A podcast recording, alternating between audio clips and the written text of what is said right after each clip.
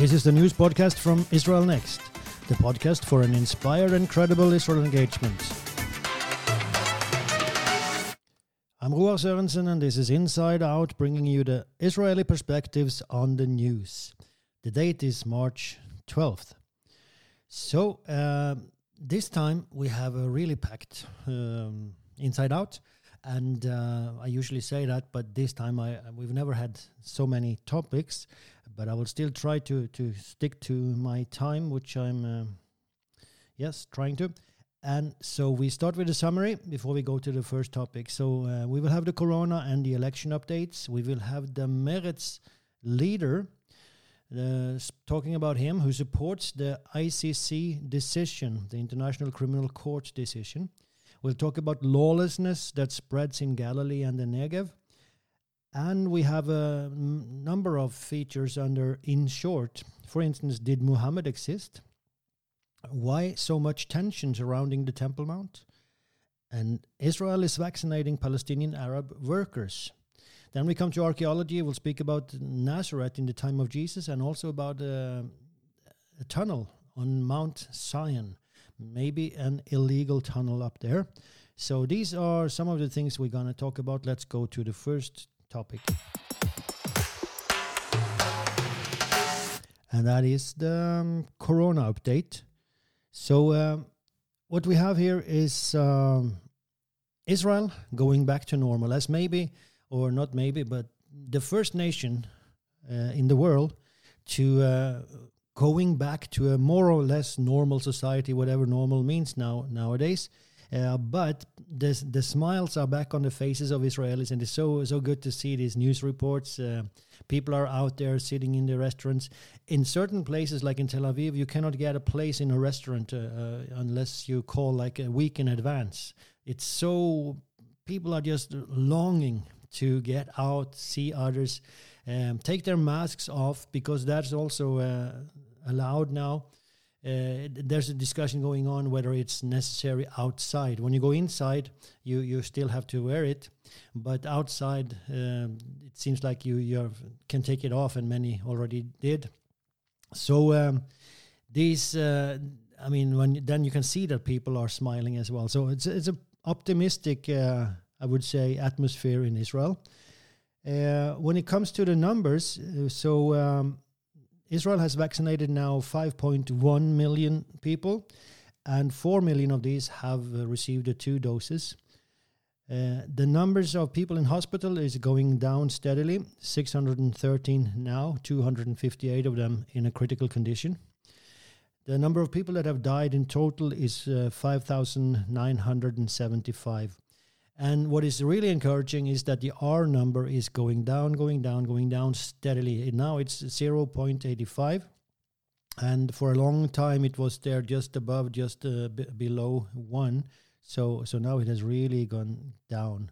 So, uh, just very good news from Israel, um, and uh, the vaccine is working, and people are getting back to to normal times now uh, this weekend also the football games will be uh, with crowds in the in the seats and um, it's just uh, optimism in the land.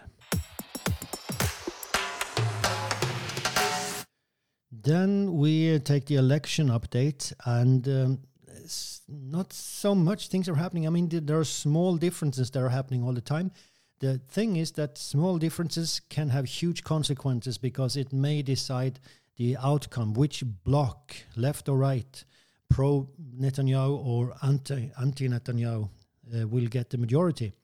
So um, in these last elections, we have the Likud pretty steady on 28, 29 mandates. They will usually get more as we get uh, when, when, the real results come in, um, and when Netanyahu really gets on fire the, the last few days before the elections so uh, Likud usually makes a better election than they do in the polls.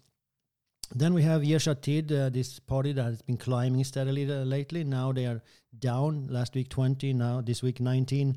Then we have Yamina coming up on third place uh, with 13 mandates, and New Hope, which is sinking steadily, going down now to 11. That that's a crisis for them because the minute they are not seen as um, possible uh, party to replace Netanyahu, then uh, it might lead to uh, that people are running away from that party. Uh, so uh, we'll see what happens now. But now they are really in a critical stage. We have the joint list, this Arab party on nine mandates, uh, the ultra Orthodox Shas and uh, on eight, and Israel Beitenu, uh, Avigdor Lieberman's party on seven, Yahadut Torah on seven, and Labour on six. Blue and White, Meretz, and Religious Zionism all have four mandates in this poll. There are differences, of course, between the, the different polls.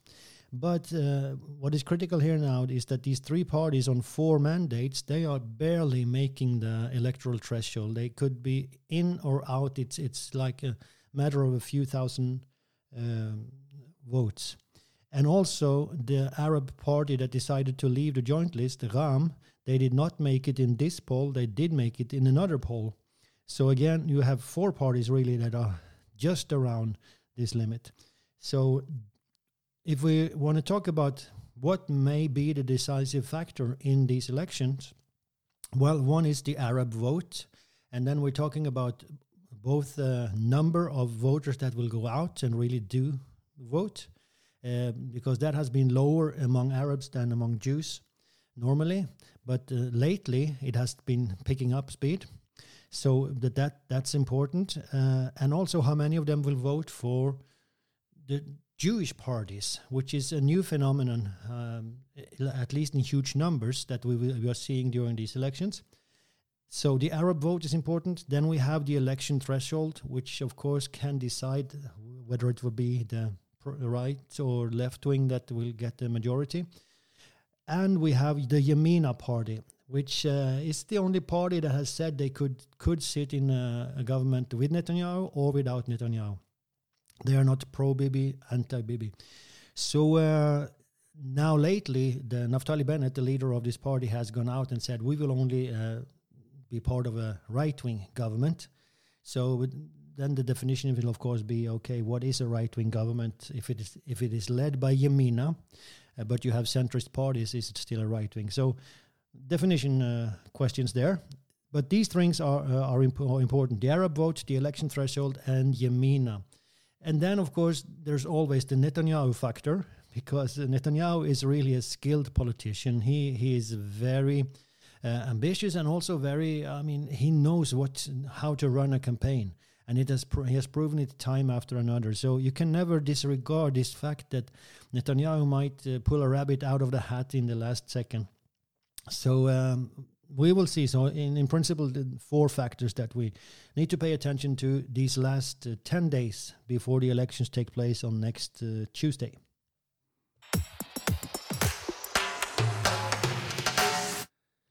Now we're going to talk about uh, topic that is uh, not very encouraging, and it's the, the um, violence and um, lawlessness in the Arab sector.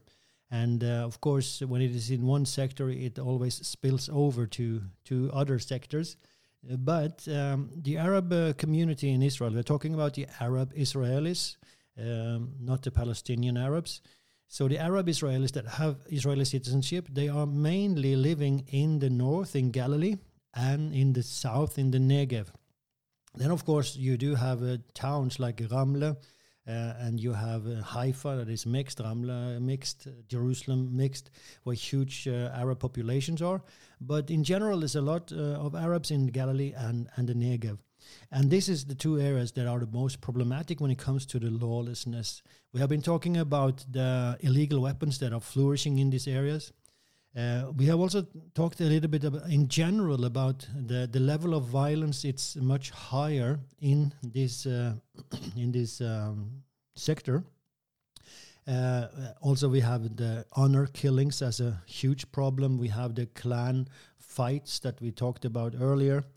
Uh, so, what has happened now is that the, the presence of illegal weapons has become so huge that even normative people, people that would never take in a gun, have been forced or they feel forced to buy a gun to protect themselves. And I saw an interview this week on Israeli television with a Israeli Arab that said uh, he, he tried to describe the, the situation. He said, if I go out and I drive in my car and I come on the road and, and there's another car standing blocking the road for me, and if I give a honk, it might so happen that the guy in this other car will come out of his car angry and, and waving his gun at me. And this, this is the situation. And, and even then shooting.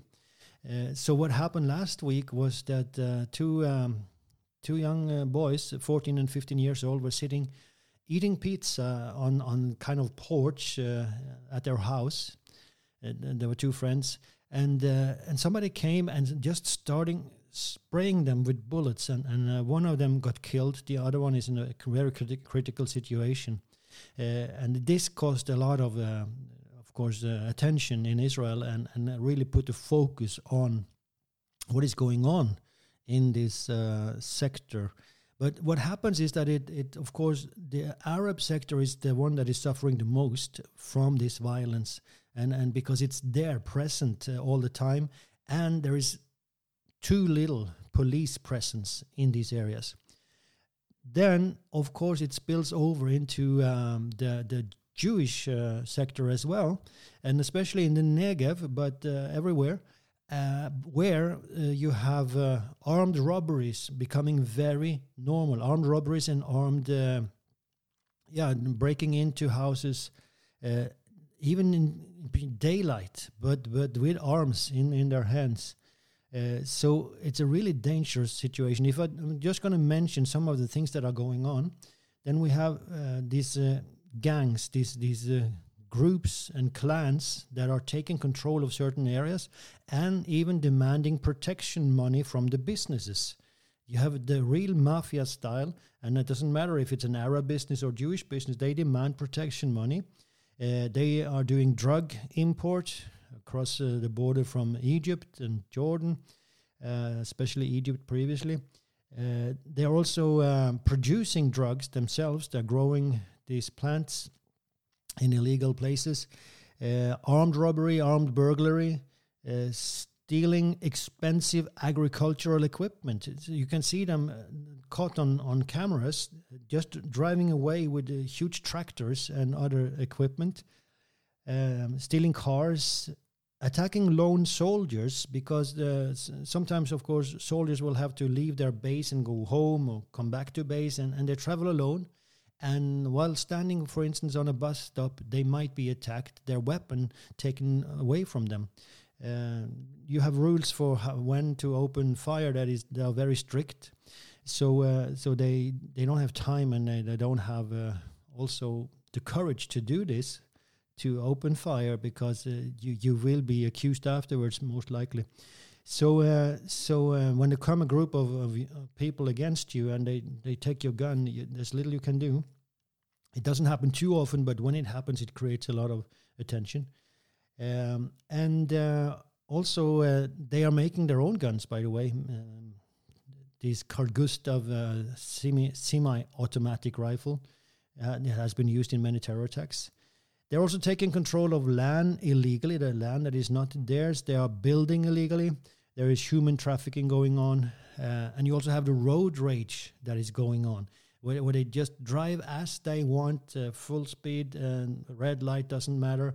Uh, and even sometimes while, while wa- waving their guns and shooting in the air. It, it's really bad. It's really the Wild West in certain areas, especially in the Negev.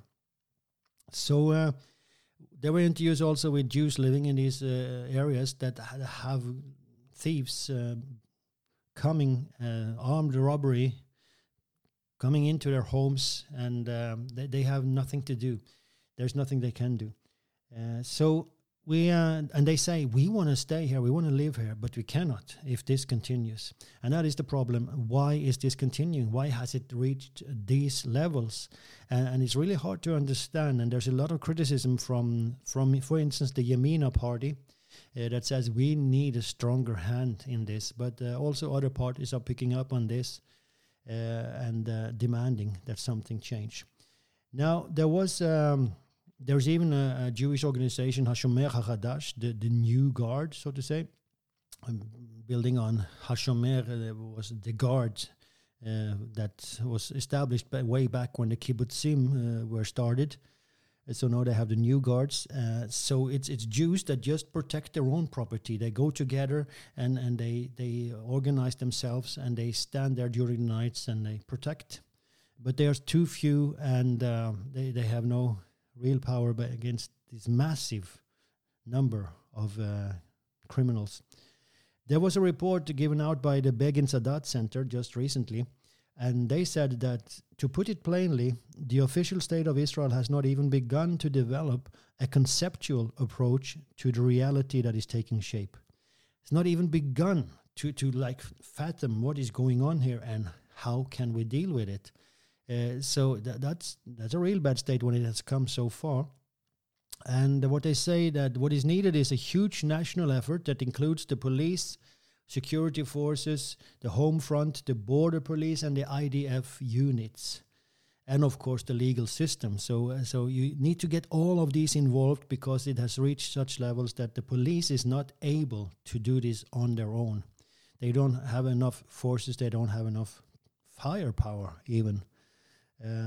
So of course, uh, using the IDF, the Israeli army and security forces and border police and so on, for these kind of tasks is a controversial thing to do. It's not something you normally do because they are intended to be used for external enemies.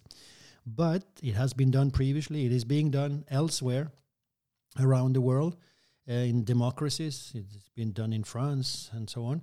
So uh, Israel did it in 2005 when they threw the Jews out of Gaza so it has been done, and it seems like there is no other way than to do this. What is needed is, of course, a decision, political decision that we need to do something here. And we really hope that the new government will take charge in this situation.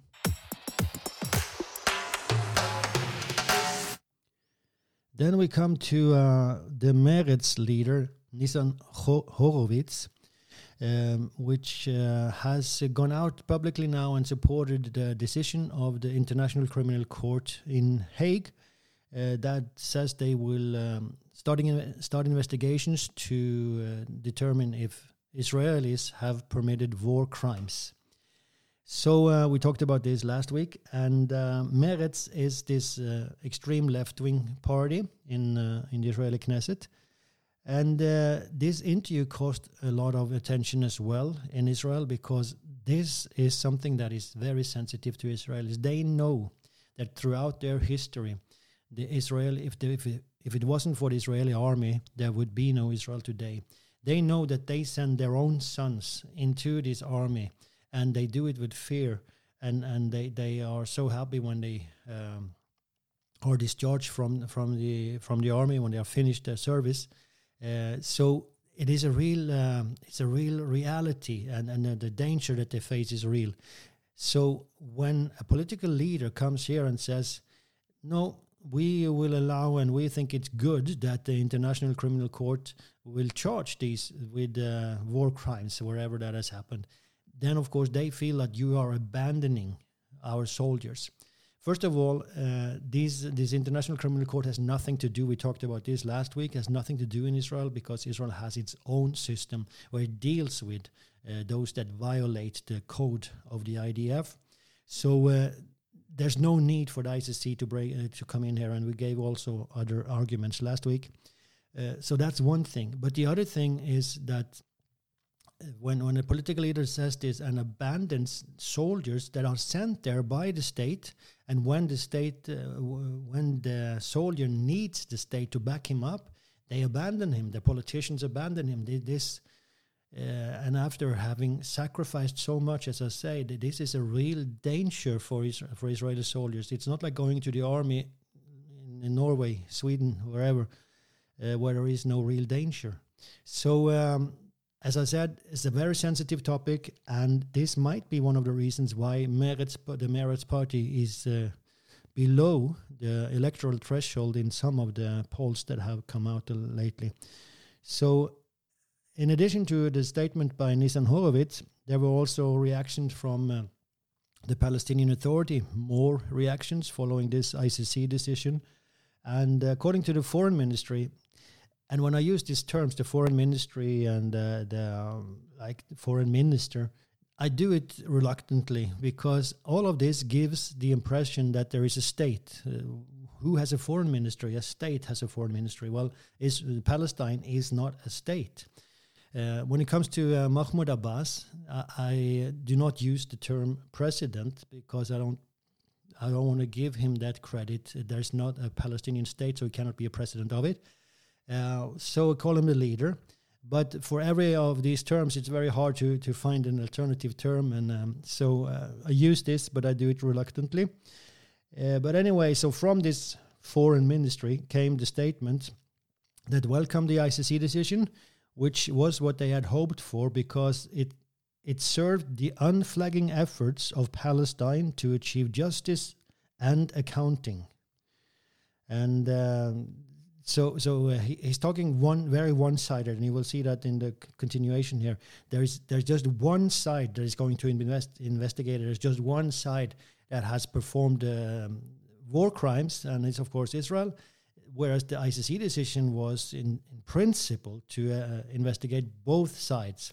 Now we know that that will not be the reality, but anyway, to just present it like this is is really showing where they're coming from. Uh, this uh, statement continues that um, the uh, crimes carried out by the Zionist occupation against the Palestinian people are ongoing, systematic, and, exen- and extensive. So uh, th- this is what this uh, statement is saying, and of, co- of course there is. You have to always say the alleged crimes, and as we know, Israel has and is doing this. Um, they are investigating themselves. Another uh, statement came from Jibril Rajoub. he is the secretary of Fatah's Central Committee. Fatah is the main party in the PLO and the Palestinian Authority. And he said that the PI would cooperate, the Palestinian Authority would cooperate with the court on three issues Operation Protective Edge, which is the Gaza War 2014, the Palestinians uh, in Israeli prisons, and the settlements. So, what we're talking about here is, is, is one sided uh, as it can be. We will, uh, yes, cooperate with the ICC, but only on these three issues the Gaza war and the Palestinians in Israeli prisons, that is a euphemism for the terrorists and then for the settlements. Okay, so what about the, the, the rocket attacks uh, from Gaza? What about the terror attacks going on daily in Judea and Samaria? What about uh, anti Semitic uh, uh, incitement in Palestinian Authority schools and so on and so forth? So, um, outward in, in the international community, it comes out that the PA is cooperating with ICC, whereas Israel is not. And Israel probably will not, justifiably so. But the PA is also cooperating just where it fits them. So, um, I mean, it's just uh, farce, the, the, the entire thing here. Then we come to news in short and um, we'll talk about the South African Chief Justice that has been attacked for his support of Israel. Now, this is a Chief Justice that is a believer, a Christian. He reads the Bible and, and he bases his support for Israel on the Bible. And he has pronounced this, he has, he has said it publicly. And now he is. Uh, it's their demand that he apologize and that he retracts his words which he so far has refused to do, and may he continue to get the strength to to to do so. So, uh, but it's just interesting that uh, Chief Justice in South Africa, the state that so often has condemned Israel, and many representatives there, including Desmond Tutu, has uh, include uh, accused Israel of of apartheid, and and it kind of gives it credibility since it comes from South Africans. But um, here we have another one. I mentioned uh, one yesterday, uh, not yesterday, but last week as well. The student, the student leader, that also said Israel can in no way be compared with apartheid regime. So here we have another one, and it's just interesting. A chief justice. Then there is an Israeli scholar that has written an article um, where he uh, questions the the accepted idea that Muhammad did exist. And, and he said, did he really exist? He is mentioned only four times in the Quran, uh, whereas a lot of times in the Hadith, which is uh, the Muslim traditions about the, about Muhammad. But these traditions, the Hadith, is primarily from 200 years after, and, and more than that, after Muhammad's time. Uh, so uh, it's less reliable. And we also have, uh, according to the scholar, the, the patriarch Sophronius, the Christian patriarch of Jerusalem, that uh, kind of surrendered Jerusalem to uh, the Caliph Umar in 638. He uh, describes what happened and he says that believers in Abraham came out of Arabia and they took Jerusalem. He doesn't mention Muhammad, he doesn't mention Muslims, uh, he doesn't mention a new religion. He just speaks about believers in Abraham. So uh, it's an interesting thing there. If, if uh, in the beginning there was no new religion, there was no Muhammad, maybe. Uh, now it, the evidence for his existence are, are scarce anyway. So uh, it's just an interesting thought coming up here. Uh, why is there so much tension around the Temple Mount? The, an article written by uh, Daniel Pipes, he took up this issue, and uh, one angle of it, and it has to do with the geopolitical. And he speaks about the five nations, uh, or five regimes, I should say, that have an interest in the Temple Mount, a special interest. And uh, we're now not talking about Israel, but uh, five Muslim regimes and the first of them, of course, is the Palestinian Authority. That's why I call it regime and not nation. Uh, so uh, for the PA, Palestinian Authority, they Jerusalem is of extreme symbolic significance because for them, this is like the, the heart of the conflict. And, and if they do not control the Temple Mount, then the, you can question their legitimacy at all. Uh, they want this, they want Jerusalem uh, as their capital. So uh, for them, it's crucial. And we saw that also last week. I spoke about the vaccines that Israel wanted to implement to give to the Palestinian Arabs that come, or Israeli Arabs that come to the Temple Mount to pray. And the Palestinian Authority said no, because they didn't want to give uh, legitimacy to Israel on that Temple Mount which is a strange thought uh, in general because Israel controls it. It's part of Israel, this Temple Mount. But anyway, so we have the Palestinian Authority as number one. We have Jordan as the second. Uh, and uh, that goes back to the peace agreement with Israel 1994, where Israel recognizes the special role in the Muslim sites of the old city that belongs to, to Jordan. Uh, so um, that that also includes uh, Jordanian influence in the Waqf, control of the Waqf that controls the Temple Mount on a daily basis. Uh, and this uh, special role was granted to Jordan by Israel, really based on an illegal Jordanian occupation of the old city and eastern parts of Jerusalem from 1948 to 1967. It was an illegal occupation but that kind of gave Jordan a special role. Now, Jordan didn't exist before 1922, so there's no history going back here. It's just this illegal occupation. But Israel did this because they know that uh, the monarchy and the monarch in uh, in Jordan he sits in a tight spot. Uh, he has very little legitimacy because he comes from the Bedouins, and the majority of the Jordanians are Palestinian Arabs, 70% of them. So uh, he, his, this monarchy is very shaky. And the fact that Israel allows him to have some influence on the Temple Mount gives him legitimacy. But if he would not behave, if he would not take care of those Muslim rights in the eyes of the Palestinian Arabs as they want him to, uh, it will lessen uh, his uh, legitimacy and it might lead to a toppling of this monarchy, something that Israel is not interested in because uh, they have signed a peace agreement. He has kept the border quiet. So uh, there's, there's a lot of geopolitics involved here. That's Jordan. Then we have Saudi Arabia. Uh, Saudi Arabia controls the two most holy sites in Islam, Mecca and Medina, but they are questioned. Their legitimacy of control of these is questioned, uh, especially by Iran, but also other Muslim nations that says these should be like more international Muslim uh, under Muslim control in general, not under Saudi Arabia. Especially Iran is questioning this. Uh, so uh, Saudi Arabia, of course, is of course refusing this kind of uh, internationalization, and they are trying to get a claim also on Jerusalem, the third holiest place in Islam, to strengthen their legitimacy. So um, that that influence is not so obvious as uh, these others, but it's still there.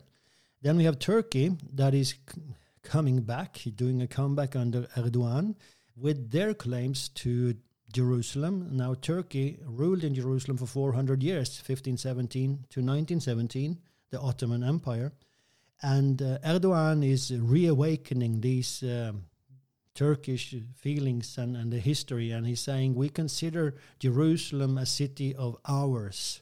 So uh, again, Turkey has been investing a lot, uh, giving. They don't have a lot of influence politically because they are on collision course with Israel, uh, but they are giving money to uh, to um, renovate buildings in the in the Jewish no in the Jewish quarter in the old city, Muslim buildings in the old city, and trying in that way to get a footprint in Jerusalem. And the last uh, nation is Morocco. Uh, that is because Morocco is chair of the Al Quds Committee for the organization of the Islamic Conference. So the, the, Islamic Conference, these Muslim nations have gone together. They have established a committee, the Al Quds Committee, which is Al Quds is the Arab name for Jerusalem, and uh, Morocco is heading that committee and has done so since 1975. So they have kind of also a history here and feel a responsibility to take care of businesses at the Temple Mount. So that's why it's so sensitive, and that's why Israel is so like little trying their best not to provoke anything because if they do anything on the temple mount that uh, the muslims do not like it will lead to international reactions and especially from these five but in the entire muslim world Israel is vaccinating the Palestinian Arabs working working in Israel. So we have seen the criticism that has been against Israel for not uh, helping the Palestinian Arabs and so on. Uh, they have helped. They sent thousands of, of, vaccines into the Palestinian Authority. That it now proves that they have been misused. They have been taken. Uh, many of them have been taken by the leaders and their families and so on. But anyway, now Israel has started vaccinating those Palestinian Arabs that come from the Palestinian Authority into Israel to work. Uh, and uh, there was also reports on Israeli television this week where they were very grateful for this uh, because it gives them freedom to come and work uh, and not to sneak into Israel and also to go back and forth. So um, it's uh, it's a win-win. Israel needs these workers, and also they bring with them money back to the Palestinian Authority, I mean, into that economy. And um, so the Palestinian Authority uh, is approving of this uh, because uh, this doesn't have to do with the legitimacy on the Temple Mount. It's being done on these like border controls, like the Rachel control the border passing. It's not strictly a border, but anyway, there and in some other places. So uh, anyway, it's a it's a good thing. Israel has vaccines and uh, can afford to do this, and uh, then we are just waiting also for the Palestinian Authority to formally ask Israel for help, which I understand they haven't really asked formally for help from Israel. Another thing that is uh, going on is the production of artificial meat. Now, this is a, a worldwide phenomenon, uh, and a lot of research is being done on this to, to create artificial steaks and hamburgers and so on. And in Israel, they are very far ahead in this, and um, they have several uh, institutes, uh, laboratories that are involved in this, and they are doing it in two main ways. One is by taking uh, cells from live animals and growing them in the laboratories to, to replenish them, reproduce them. So they become meat. So in that uh, instance, uh, the point of departure is real cells from uh, from an animal, and the other uh, way is to to print this, uh, the, where the entire process is is artificial, and and to use printer to print meat. Uh, so these Israel is, as I said, world leading in these things. But the interesting question here is that I found is interesting that there is of course a lot of questions surrounding this, and and I'm not saying yes or no or uh, like uh, what, what what to think about this but the interesting question now is halachi uh, halachic uh, question it has to do with religious law and that is is this meat or is it not meat and that is important because uh, it uh, decides if a jew observant jew can eat a cheeseburger that that might not be the most important for him, but but for me. No, no, no I'm I'm, I'm joking. But uh, can an observant Jew eat this kind of meat and put cheese upon it? Because if it's not, if it's considered meat, it cannot. But if it's not, then um, so uh, the rabbis uh, they have started debating this, but I don't think they have reached like a conclusion, and and there might be several conclusions but uh, like a general ruling one. And uh, it's just uh, an interesting thing that where these rabbis have to to really get into the details of, of what is this kind, uh, what is this, this product, what is it, what does it consist of, and how should we define it. So that's one example of things that uh, the rabbis throughout history have been forced to deal with uh, as developments have come in, and um, for that reason there are many many halacha, many halachot, uh, like meaning religious laws. In Syria, there is a search underway for the bones of Eli Cohen. Eli Cohen was the Israeli spy uh, active in Syria in the 1960s. In the end, he was um, exposed and he was hanged in Damascus on May 18, 1965. But he provided crucial information to Israel that helped them a lot during the Six Day War. But as I said, he was uh, exposed and hanged. He was buried somewhere, but uh, nobody today seemed to know where. So now there is an effort going on uh, where uh, Russia is involved. Russia having a huge influence in Syria and, uh, and especially on Bashar al Assad, the ruler there. So uh, Syria is reluctantly helping the Russians to locate the bones of Eli Cohen, and we will see what the, this uh, leads to. Uh, this has been a, request, the demand from Israel for a long, long time to get these bones back to Israel. Uh, his wife, uh, Eli Cohen's wife, is still alive, and uh, she is also waiting for this. In Gaza, there has been elections, really four rounds of elections to elect the new Hamas leader. And in the end, uh, Sinwar, the current leader, was re-elected. Now that was like it, it took four rounds, so it was really a tight race. And uh, this shows, first of all, these are elections that are taking place within Hamas. Uh, it's just Hamas members that are allowed to vote. It's not for the entire population. And uh, it shows that there is a huge discontent with Yahya Sinwar and how he is uh, running business in uh, in Gaza. This is dangerous and potentially dangerous situation because guns are, are sitting loosely. Uh, these these things uh, these things can very often lead to assassinations, to um, power struggles, uh, and and bloodbaths. So we we just hope that well that that will not happen. That that innocent will not be murdered as a result of this. But it's a potential uh, explosive situation, and especially because there are elections that are coming up, um, at least planned elections that are coming up this summer in the Palestinian Authority and including Gaza. So this uh, election here is like a preparation for that general election. I have my doubt whether that election will really take place, but uh, anyway, that's that's the thought. Meanwhile, and this is something I come back to, just uh, I don't want us to forget that Terror attacks continue in Judea and Samaria, especially on a daily basis. And we've talked about this previously the, the th- stone throwing and the Molotov cocktails. And now also stabbing, two, two attempts of stabbings took place this last week. So uh, we we have to to be aware that this is ongoing. This is the reality for the settlers living in Judea and Samaria. Whenever they go out on that road, they don't know if they will return, and not because of a traffic accident, but because of stone throwing. So, what happens is, of course, that uh, in the end, a disaster happens. Somebody gets murdered, and Israel reacts, and that's when the world steps in and, and condemns.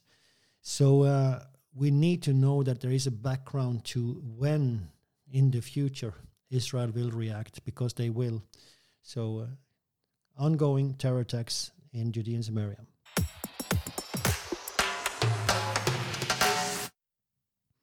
Archaeology, and uh, seems to be a, there seems to be an illegal tunnel on the Mount Zion uh, made by the Church of the Dormition, uh, the, the, Catholic Church. Uh, so the Catholic Church there has a lot of uh, houses and buildings on this mountain, and one of them is a dormitory for their theology students. And from that uh, dormitory and uh, passing the church and, and to other buildings that they have, they have built an underground tunnel that is 150 meters long with certain um, paths leading out from it as well. So um, this is uh, in an area that is extremely valuable for archaeologists because whenever you put your, your spade down in Jerusalem, you will find something from history. And uh, the biblical history is, is not far away.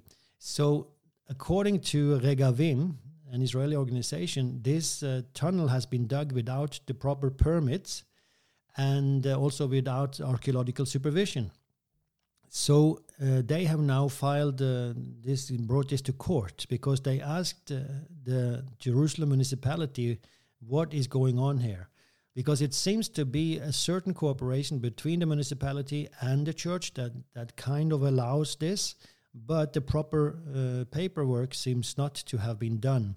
And of course, if there's no archaeological supervision, there is really something lacking. So uh, it will be interesting to follow this and see see where it happens, uh, because uh, the fact that there is no archaeological supervision and where then are all the findings that they have found. Because if they dig a tunnel like this, there will be a lot of archaeological findings. So uh, it will be interesting to follow this. It might, uh, in the end, open up for new knowledge about this area but uh, this is in, in, that case, it's not the way that it's supposed to be. If Regavim is correct that there were not proper supervision and proper permissions. Then Nazareth and um, the Nazareth of Jesus' time is coming back to life like never before.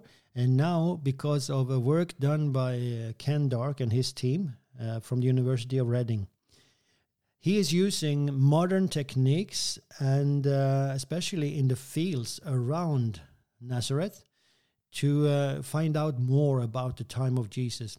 And uh, he is also doing uh, research on uh, the older findings that they have found archeolo- archaeological findings in Nazareth. He's checking these and then doing his own surveys uh, and with the help of the modern te- technique, then he has uh, come to two main conclusions that we, we, weren't so aware of, and now at least he has proven them. One is um, that the town of Nazareth seemed to have been bigger than what we thought.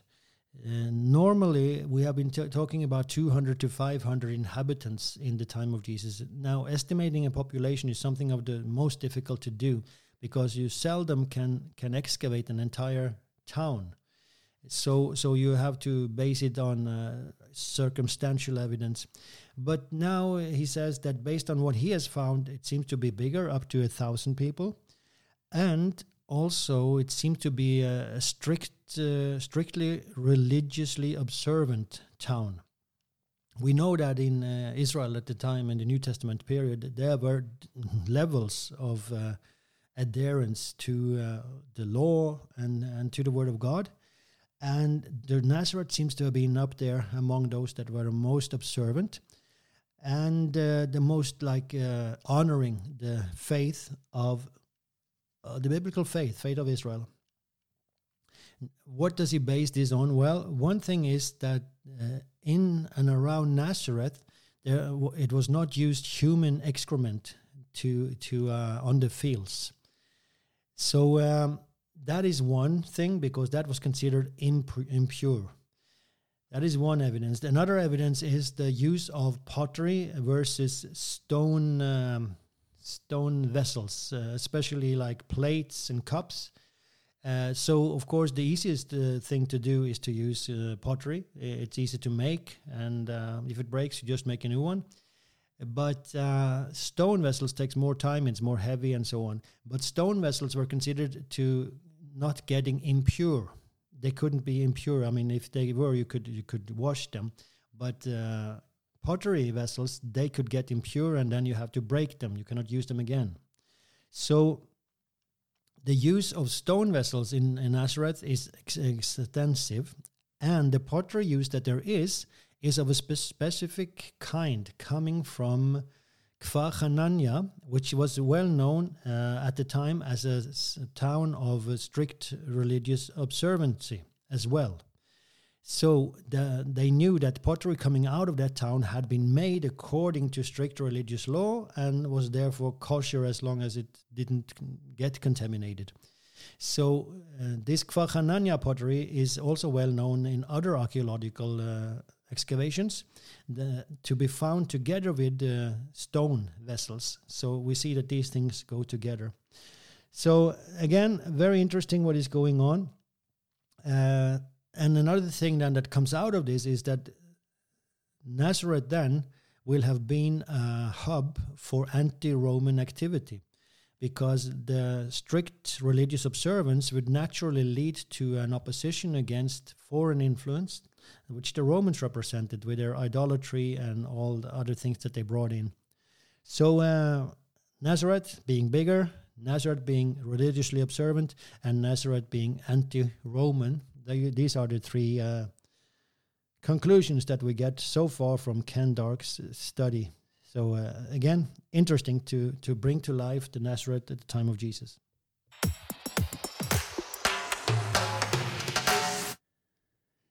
Then we come to the Parashat Hashavua, and it's uh, Vayakhel and Pekudei. It's really two portions this week. And, and I will just focus on uh, one observation made by the late uh, Rabbi Jonathan Sacks. He was the former chief rabbi of Great Britain. And he passed away uh, in the fall. I think it was in the fall, during fall last year. So, anyway, he made. Um, so has made some observations where he speaks about um, compares this portion, which is the end of the book of Exodus, with the beginning of Genesis. In the beginning of Genesis, God creates the world, and uh, there are three words that he focuses on, uh, Rabbi Sacks, that are very essential words. It's work, it's completed, and it's bless. Because when the work was completed, God blessed it. God blessed the seventh day. So these three words important there. And when we come to Exodus 39, we have the same words. When the work on the tabernacle was completed, Moses blessed the children of Israel. So what he says that is in, in the beginning of Genesis, we have the creation of the world by God. In the end of Exodus, we have the creation or the making of the tabernacle by men, but built according to the image of God. So both of them are created according to heavenly wisdom and uh, and he says that the tabernacle is in many ways a universe in miniature because it represents order and it represents the presence of God in an in a disorderly environment the desert dead environment. And uh, also the universe was created in order. And what he says then is that this shows that we are not we, we are supposed to be partners with God to cooperate with God in creating a place where he can stay a place for his presence but we are partner, partnering with God in this way we are not doomed to uh, do the mistakes that they just had done with the golden calf but there is a higher thought for us And so uh, we are born to do great things, cooperate with God, and therefore do not expect small things. This is kind of his message. Do not expect small things. Do not lower the bar and, and say everything is good uh, as it is and nobody needs to do any big things, achievements is not good. No, celebrate achievements. Uh, because also we are created in, in the image, image of God. So if you do not expect anything from anyone, you're kind of uh, violating this this principle that we are created in the image of God. So I thought it was very interesting thoughts there from uh, the late Rabbi Jonathan Sacks. That's it for this time. And uh, next uh, Zoom out that we will have, there will be an interview with a good friend of mine, a Christian Arab from Jerusalem, but currently living in Bethlehem. Uh, this uh, interview uh, will be his story, his testimony, and uh, we will not be dealing with political issues because that is sensitive, especially now that when he lives in the in the Palestinian Authority. So uh, I'm just saying this here now that uh, do not expect us to to go into and delve into those kind of issues. Um, I have been talking to other Christian Arabs in uh, in those areas, and they are extremely careful with criticizing the Palestinian Authority because they know that it might get repercussions. There, there are so many reports about abuse, uh, mistreatment, discrimination, even murder, forced uh, marriages uh, against the Christian population in Bethlehem and other places in Judea and Samaria. So um, that's uh, just kind of the background. But I think this interview will be very interesting for you and give another perspective on uh, on Israel and what is going on there. So look forward to zoom out. I will end with a priestly blessing and just pronounce it upon Israel. Yevarechecha Adonai veYishmerecha. יאר אדוני פניו אליך ויחונקה. יישא אדוני פניו אליך וישם לך shalom. Amen. Thank you for listening. Thank you for sharing. And thank you also for supporting. If you want to support us uh, financially, you can go to our website, israelnext.com, and press give. And thanks to all of you who are doing this uh, now and then or on a regular basis. We are extremely grateful for your support. Until next time, say something good about Israel.